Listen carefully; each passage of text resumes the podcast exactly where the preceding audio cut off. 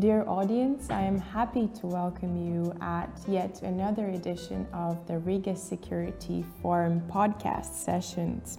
My name is Elizabeth, and on behalf of the Latvian Institute of International Affairs, I welcome you today.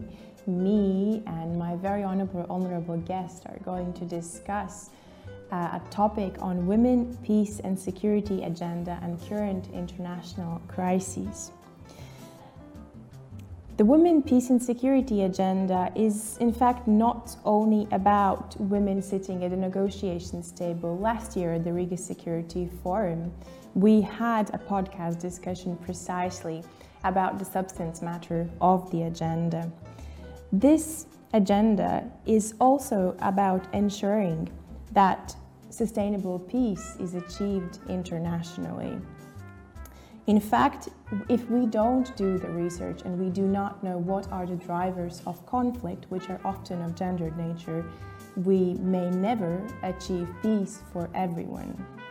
Despite the heightened visibility of the Women, Peace and Security agenda that we saw last year when we celebrated the 20th anniversary of the agenda, we still have not seen enough attention to the agenda from everyone. In fact, very often it is connected to women's issues, whereas we should see more engagement from men. Uh, we also see that women are very rarely participating in negotiations of peace and conflict resolution processes. Now, taking all this into consideration, I have in, in, engaged uh, an expert on the issue, Christine St. Pierre, who is also the Women of Women, Peace and Security Group. She is an expert and advisor on gender equality, women, peace, and security. She's also a trainer and a researcher. She has obtained extensive experience in Canada and internationally, both at the governmental and non governmental level. And she has worked on programs and policies that link to gender equality and gender mainstreaming. Christine, I welcome you to the Riga Security Forum. Thank you very much for having me. Of course. Now, to start with, as I briefly introduced the agenda, I wanted to ask you to perhaps introduce the United Nations Security Council Resolution 20, uh, 1325, which indeed last year celebrated its 20th anniversary, and tell us what has been the progress of the agenda and what are the next steps for the international community.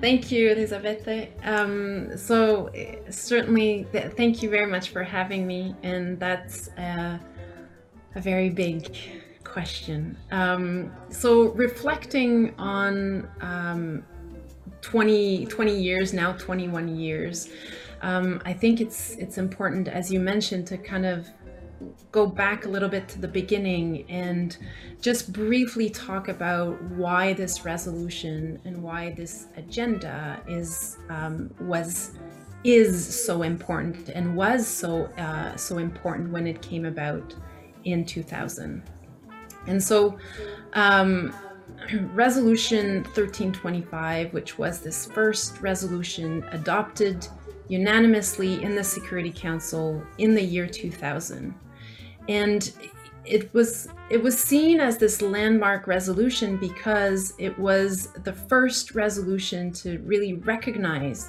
the disproportionate impact of war on women as well as the importance of women's work and leadership in conflict prevention and peace building.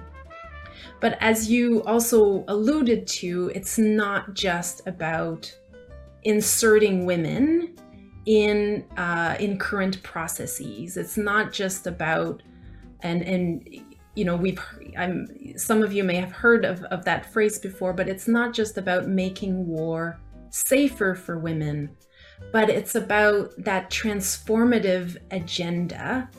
Um, and as you alluded to, you know, bringing women to the table, but it's really about changing that table and changing our understanding of peace and security and what peace and security means for diverse individuals that can then lead to sustainable peace. Um, and so you know, Resolution 1325, that first resolution, was regarded as one of the most influential documents in establishing the le- legitimacy of addressing women's and gender issues in the area of peace and security.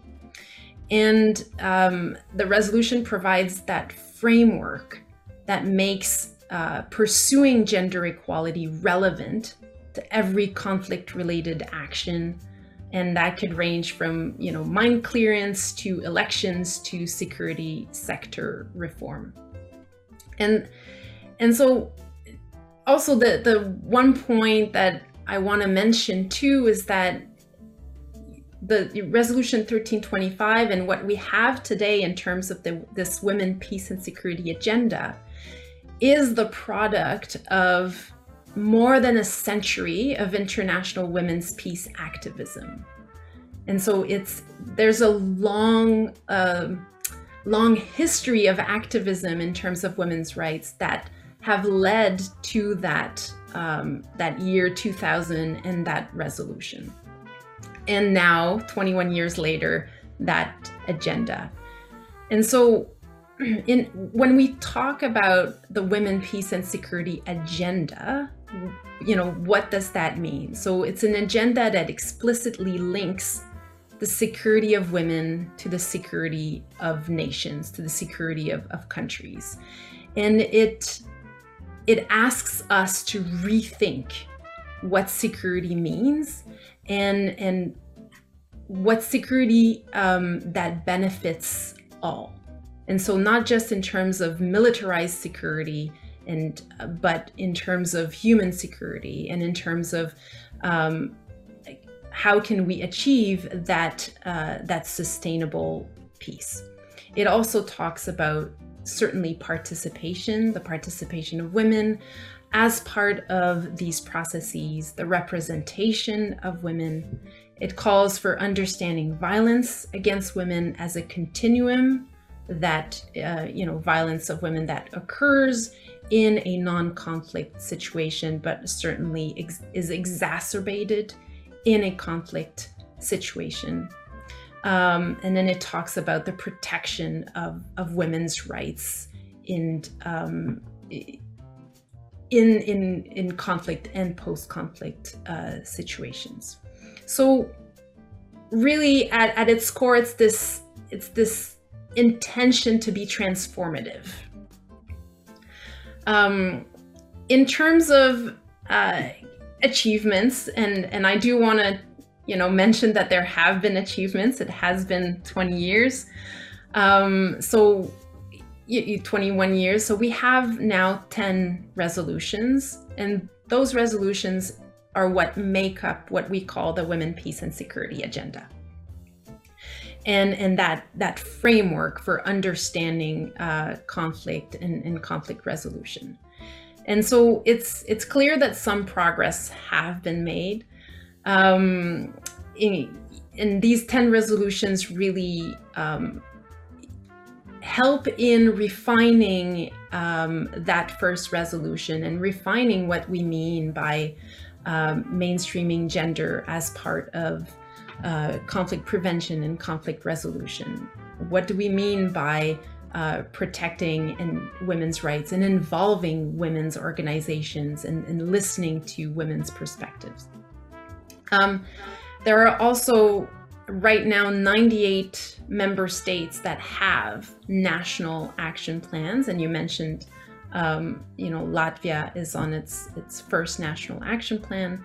So 98 member states that have either their first, second, or third national action plan, which which are plans that take these resolutions and and um, and and try to figure out how countries will implement those various pillars as part of in many cases as part of their foreign policy but also increasingly as part of domestic policy and there's been also, you know, important developments in terms of at, at the UN level, in terms of training and, and policy development. And um, certainly calling for uh, greater participation of women as part of peacekeeping operations and things like that. Um, but I think the the overwhelming consensus in in the last 20 years has been that progress has been slow. That progress has not um, has not been to the level of the expectation of, of civil society, certainly, um, and women's rights activists. Um, in, in 2015, there was a global study on women, peace, and security that was conducted by the UN, and some of the key findings were um, slow progress on women's participation. And you mentioned, you know, women are, are still not part of, of negotiation um, uh, processes of mediation or diplomatic mission, there are still a very small percentage of peacekeeping missions in terms of police and military personnel. And so just the the visible aspect of of seeing women as part of these circles um, is it's still very very limited. Um, they had also mentioned the continue the continued limited capacity in terms of gender analysis. So being able to look at different different issues and and looking at it with a with a gender lens and understanding what those different uh, dynamics are. Um, and then also uh, a last point that they had mentioned is that even though we know that integrating um, gender considerations as part of programming improves peace and security outcomes. A lot of programming is still gender blind and so meaning that they're not considering uh, the differential impact that um, both uh, initiatives and efforts may have on, on women men boys and girls and diverse individuals the data is still not disaggregated. So we, we still don't have a complete picture of um, of the dynamics on the ground and, and how our efforts could be much more sustainable. Um, uh, so those were kind of the. Thank you very much for that. Those are, I believe there's a small lag in the sound. Um, oh. However, I wanted maybe to drill down to the core of the of the sort of the question you almost posed. So, what is the reason behind uh, the slow progress of the Women, Peace and Security agenda? Because on paper, indeed, the idea of sustainable peace for everyone, women and men alike, for children, um, it, it, of, of inclusive analysis sounds very good.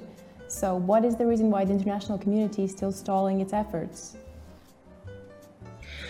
Uh, that's a very good question. Um, I mean, I can give, uh, you know, the the example of of Canada. Um, you know, one of the major challenges challenges that we've we've um, identified and that we've um, one of the major critique that we have um, have have said to our government is this and i think it it applies at the international level but it's this idea that women peace and security is often seen as a standalone objective. And um, and so it's viewed or its its approach as a silo instead of being connected to the wider foreign policy or even domestic policy. And I think that's um, you know there's there's certainly been work in terms of women peace and security and and calls for increasing women's participation and um, as I mentioned kind of all all the, the work and progress that has happened but one of the yeah, one of the key challenges that we've identified is is this continued um, view of women, peace, and security as as kind of this um, in in a in a silo as more of a technical aspect, in, instead of viewing it as um, as something that needs to to apply to everything that that we're doing. And so, for example, um, uh, in in a uh, recent publication by the Women, Peace and Security Network Canada, which I'm uh, a member of um, in Canada, and uh, we've we've published a number of, of reports over the years looking at um, Canada's national action plan and also just women, peace, and security in in general. But um, this was highlighted by one um, by colleagues, uh, Rita Morbia and Bill Fairbairn, Fairbairn um, at Inter-Pares, and what they said was that women, women peace and security considerations should have primacy in cases where there is a clash with other issues. And so their example was specifically in terms of commercial interests. And they gave the example of, of Colombia, where you know, Canada has a national action plan and it has these lofty goals of increasing women's participation as part of peace and security efforts. Um, and especially in terms of, you know, when we're uh, working in terms of peace and security in Colombia, ensuring that women are involved, ensuring that women participate, ensuring that we take a gender perspective as part of our efforts. So we have these goals in terms of women, peace, and security, but then in terms of then the government also, on the other hand, will pursue a bilateral free trade agreement, and uh, human rights concerns do not um, are not you know fully considered and do not integrate the women, peace, and security agenda and the various pillars of a, that that agenda to really understand what is the impact of of that free trade agreement and what is the impact of extractive companies working in indigenous communities and and not consulting with women and not um, and and you know potentially raising the risks and and the vulnerabilities of of these communities. And so um, that doesn't completely answer your question of in terms of the international community where where that um, that lack of, of progress comes from. But i think it it certainly points to one aspect of um, i think that if we were able to um, really integrate the agenda as part of our broader work um, both in terms of you know foreign policy, whether it's it's trade, commerce, or um, diplom you know diplomacy, defense.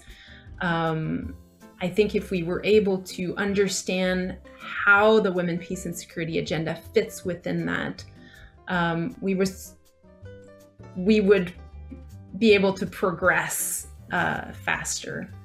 And certainly, our you know our our view of you know, potentially defense, commercial, trade would also potentially change by integrating uh, the women, peace, and security agenda. I think um, sort of what you're already alluding to is kind of the ability to see how gender mainstreaming fits into the national policy making agenda.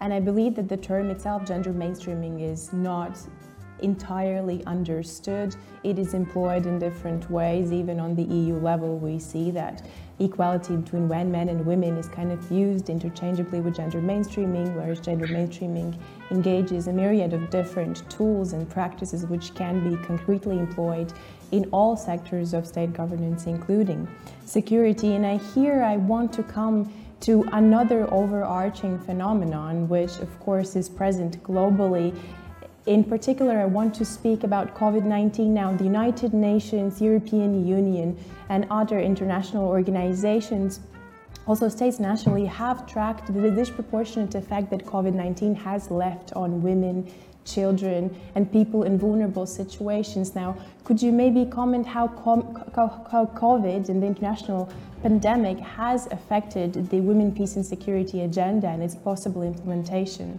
internationally and on a national level? Hmm.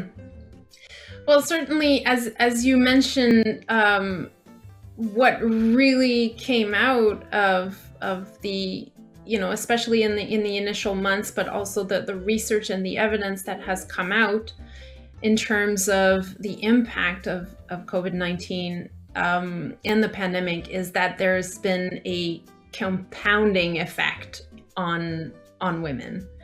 Um, but also um, it has also certainly exposed significant disparities uh, within the current system, and it um, it revealed that our current practices cannot continue as is.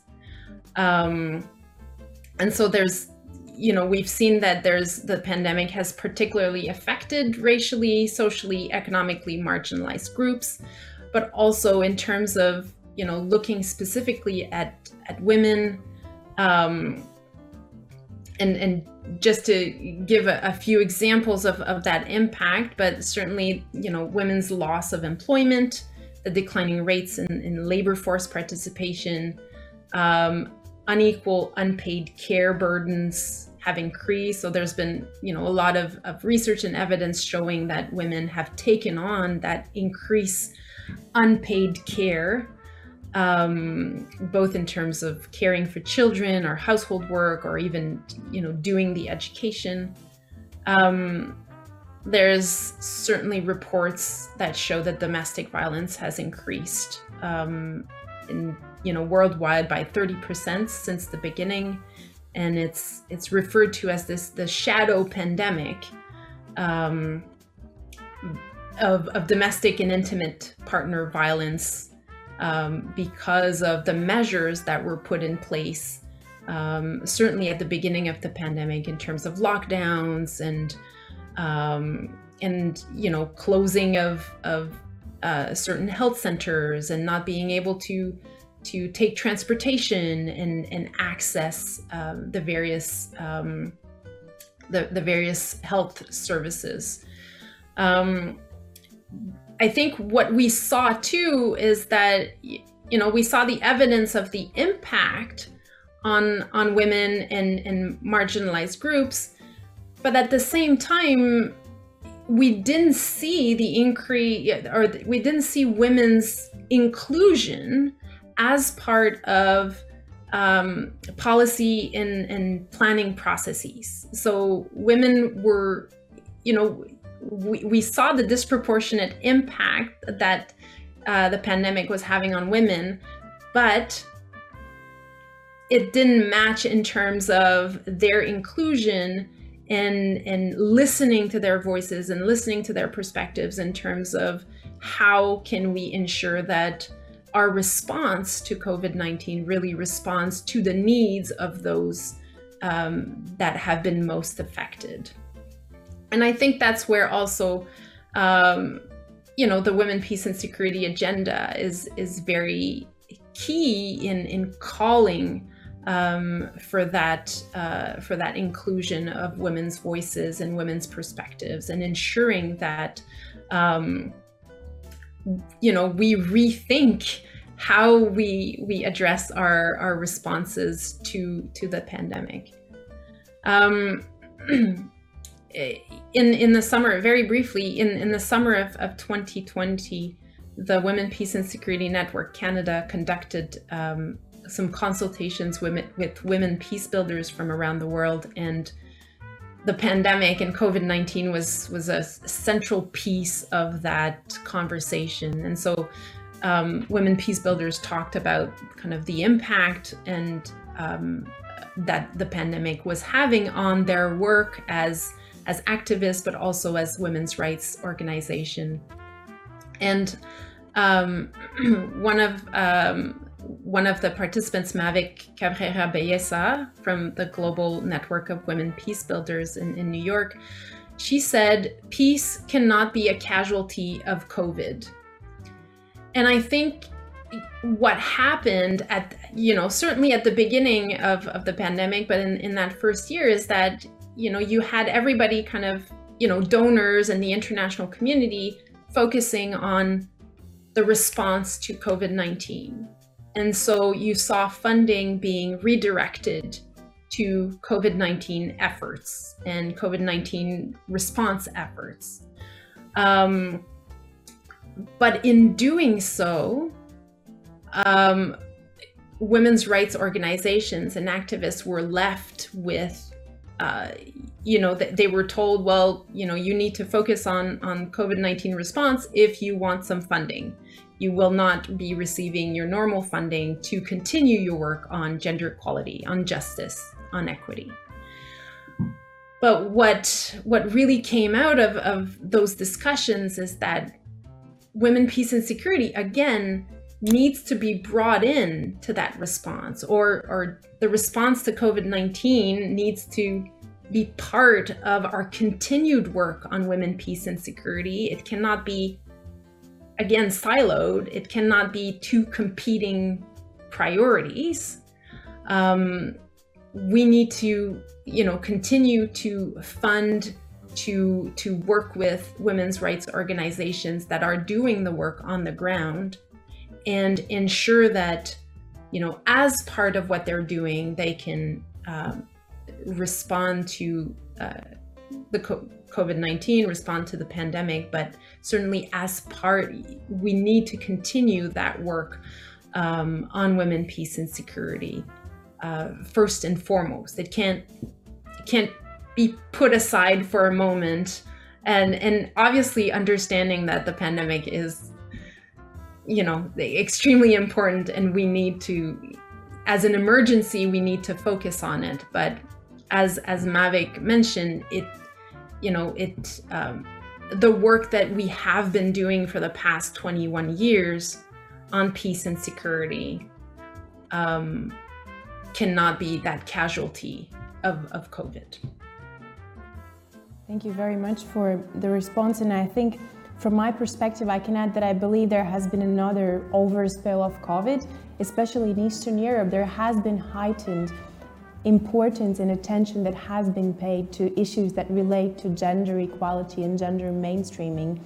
In fact, it is interesting to note that in these countries it happens simultaneously with the generation, generational change. So we see that millennials and generational Generation Z are coming and taking positions of power, and these two generations are much more open to issues that relate to intersectionality, issues that relate to to the different, the different aspects of society, the different experiences uh, that people and societies have, uh, depending on their background, their gender, their race, etc.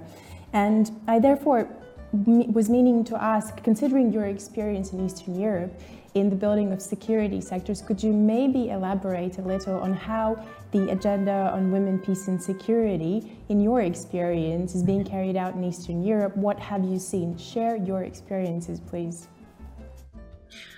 Uh, well, it's it's interesting what you mention about the the new generation because that is exactly um, the experience that I have had in working alongside partners in in Ukraine. So my my specific experience in Eastern Europe has been working um, e- with partners in Ukraine. So I have been working with a Canadian organization called Alinea and they have a number of projects in, in Ukraine, but the one that I've been specifically involved in is a police capacity development project. And gender equality and and um, the empowerment of women in the security sector has been a very key component of that of that project. Um, and through through that work, we have been supporting both, uh, you know, national policies on, on gender, as well as um, uh, policies at, at the uh, organizational level in terms of the Ministry of Interior and then also the, the National Police. And in with that, also supporting the implementation of, of Ukraine's National Action Plan on 1325 and they are currently on their second national action plan, which is 2020 to 2025. And um, and there is um, I mean, in in my opinion, and in terms of you know the the people that I that I have worked with, both at the at the ministerial level, but also in terms of the the national police, um, both in terms of you know supervisors, but also uh, more on on the ground, patrol uh, police officers. There has been a tremendous openness, a, a tremendous openness in terms of discussing gender equality, understanding what that means um, in society, but also within within the police, and and coming up with um, efforts and and solutions to to ensure that um, uh, that in, ensure equal rights and opportunities for for women and men. Um, so certainly, the national action plan in in Ukraine has um, has both kind of that internal perspective, so looking internally at Ukraine, um, increasing women's participation as part of the security sector, changing um, the the structure and, and the policies to ensure um, equitable access by, by women and men to the security sector, ensuring that the police is um, uh, responds uh, adequately to the needs of the broad population. Um, so it has that internal aspect. It's it also um, you know discusses the international conflict in in the east and and recognizes the importance of women's involvement as part of um, settlement and resolution of, of that conflict, but also recognizes the vulner- the specific vulnerabilities that women face um, as part of, of that conflict. Um, and then it also has kind of a, a, a small external aspect in terms of um, peacekeeping missions. So if when Ukraine sends um, both police and military officers to peacekeeping missions, um, what does that mean in terms of you know ensuring that gender equality is is part of that mandate and increasing women's participation or um, ensuring that women are part of those deployments. Um, I I think you know, for me, the important part is is saying that there, especially in in the last six years, there has there have been you know important developments, um, incredible efforts that have been done. Um, especially in terms of the Ministry of Interior, where where I am most familiar, but in terms of as you mentioned, like mainstreaming gender as part of policies, um, including on issues of domestic and gender-based violence, and um, and ensuring or working towards uh, women's inclusion as part of, of the national police. Um, and uh, I think the real important part is is the role that the national action plan is is playing in in supporting those efforts and in guiding those efforts. And um, different agencies have come up with their own action plan to implement that national action plan. And so the ministry of interior have their own action plan which includes the the national police um, and you know for example they've just completed a gender audit of the ministry looking at kind of the laws and, and the, the regulations and what are the barriers to women's um, uh, women's access to the police but also their their progression in terms of the career a, a career. Um, what are um, the um, looking at specifically kind of sexual harassment. What does that mean? And what are the policies in place or, or what is lacking in terms of ensuring that people um, feel safe? And uh, within their workplace. Um, so I think there's there's been such a, a tremendous development, um, at least that that I have seen, and um, it's um, it's obviously been great to support that process as uh, as part of our uh, the the Canadian kind of team, but along many many other actors of of course there are a number of international partners in Ukraine, as as uh, I'm sure you're aware. Um, but yeah, so I I think um, I think the national the the women peace and security agenda has has certainly been a catal- a catalyst for really um, working on on gender equality and ensuring that uh, gender equality is mainstreamed as part of um, both the ministry's work, but also the, the security sector. Thank you very much for your answer. And I think indeed what you're saying kind of also brings me to my last question, the last point I want to briefly discuss. So the women peace and security agenda has largely relied also not only on the governmental efforts, but also on the push and pull uh, from the non-governmental sector. In fact, these have been the actors that have been there to raise the voices of people who suffer in violent conflicts internationally. So I would like to ask you a question. So what is that we can do as citizens, researchers, future policymakers. As I mentioned before, the younger generation is the one that is likely to be the driving force, driving force behind the full implementation of the agenda. So, what are the simple things in our daily lives that we can do to ensure that this agenda finally takes its roots internationally?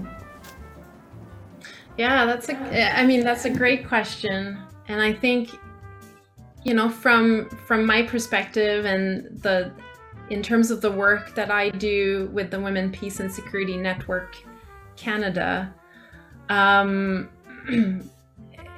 certainly, um, I, I, think there's there's two things. Um, continu- continuing to push the government. Um, you know, we, we we monitor their efforts and and we we push them to take action. Um, so, for example, you know, we were very much involved um, prior to the second national action plan. We were very much involved in the consultative process to define what that second national action plan would look like. And so we we held um, a government civil society conference, and we we had very um, frank discussions about what what we wanted to see as part of that agenda. Um, so certainly, um, you know, leading the way and uh, and and and continuing to uh, hold the government accountable in terms of what they their commitments and what they've taken on. Um, the second part, you know, in terms of, of research and and um, leading the agenda, I think there's a real opportunity for civil society um, and, and researchers, given given our work on the ground, is you know certainly to bring those voices to the forefront. Um, so, for example, in terms of Canada, being able to, um, you know, some of our partners have programs in in different countries and and work with women peace builders on the ground. So bring ensuring that those voices are being heard by policymakers number one. Number two would be uh, conducting that research on there's so many emerging issues within the women peace and security agenda. You know whether we're talking about climate change climate emergency climate crisis um, but also, you know, in the last two years, we anti-racism, social justice, um, uh, dismantling white supremacy, dismantling systemic racism. What does that look like within the context of women, peace, and security? How do those um, things connect? Um, and I think there's a really big opportunity for for researchers and, and academics and civil society to to look at that and and and provide that kind of that leading thinking on how governments should be approaching that. Um, and then a, a, maybe a final point would be there, especially in Canada, but I think also around the world, there's been a tremendous push to, um, I'll say, domesticate or internalize the women, peace, and security agenda. So, for example, for Canada, our national action plans are very external. So they they're really about our foreign policy, what what we do to other countries, or or how we interact um, as part of our foreign policy. But for a number of years, we have said, you know, women, peace, and security is also extremely, incredibly relevant to what is happening inside Canada. Whether we're talking about, um, you know, truth and reconciliation with Indigenous peoples, missing and murdered Aboriginal women, police violence against marginalized communities, or even how, um, you know, working with asylum seekers, refugees, newcomers to Canada, trafficked women, there's there's a whole um, list of, of things um, issues and, and, and themes that you know the, the women peace and security agenda applies to within canada and i think um, for us that's been a um, a point of advocacy in terms of how what we've been kind of pushing the government to do um, and and take action on. So that would be another. Um, I mean, that might be a bit more specific to Canada, but I, I think that's also where um, civil society and researchers can have a really big impact. Is looking at their specific issues within their own countries and and really pushing that with with their government, with their policymakers. Um, maybe a final point. it, you know, women, peace, and security is is a very specific agenda, and not you know the the public at large is often not privy to those conversations and may not have a sense of oh these resolutions and and what is this agenda and things like that. And so i think it's there's an important part you know, on behalf of the government, but also on behalf of civil society to to ensure that the public at large have um, have knowledge or have an understanding of, of what that means and how that relates to them. Um, and in doing so, then there, you know, perhaps perhaps we come back to that point of why hasn't there been, you know, enough progress? And and perhaps that's you know part of it is that we don't you know we haven't kind of really disseminated to the larger public at at large. Um, and so i think i think there's some really important connections to be made and um, yeah it would be really important for the broader public to to have an understanding of, of the importance of this agenda and also how how working on it can can really help everyone. Indeed, thank you very, very much. And I think we come back to the point of sustainable peace for everybody. And by yes. this, I do not only mean the absence of war. By this, I really mean a life where everybody's needs and concerns are taken into consideration. And this is also, I think, um, kind of the message that I want to um, once again reiterate to our audience. Uh, thank you very, very much, Christine, for your time uh, to participate in Riga Security Forum. This has been an incredibly relevant and indeed novel discussion. And uh, dear audience, thank you very much for listening, and we will see you next year once again to discuss the issues of women, peace, and security.